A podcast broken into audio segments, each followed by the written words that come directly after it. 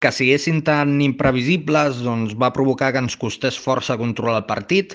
i de fet no és fins al tram final on gràcies a molt bones defenses i sobretot l'encert des de la línia del tir lliure eh, ens va permetre fer un parcial de 13-3 en els últims 3 minuts per tancar el partit i, i que la victòria es quedés a casa.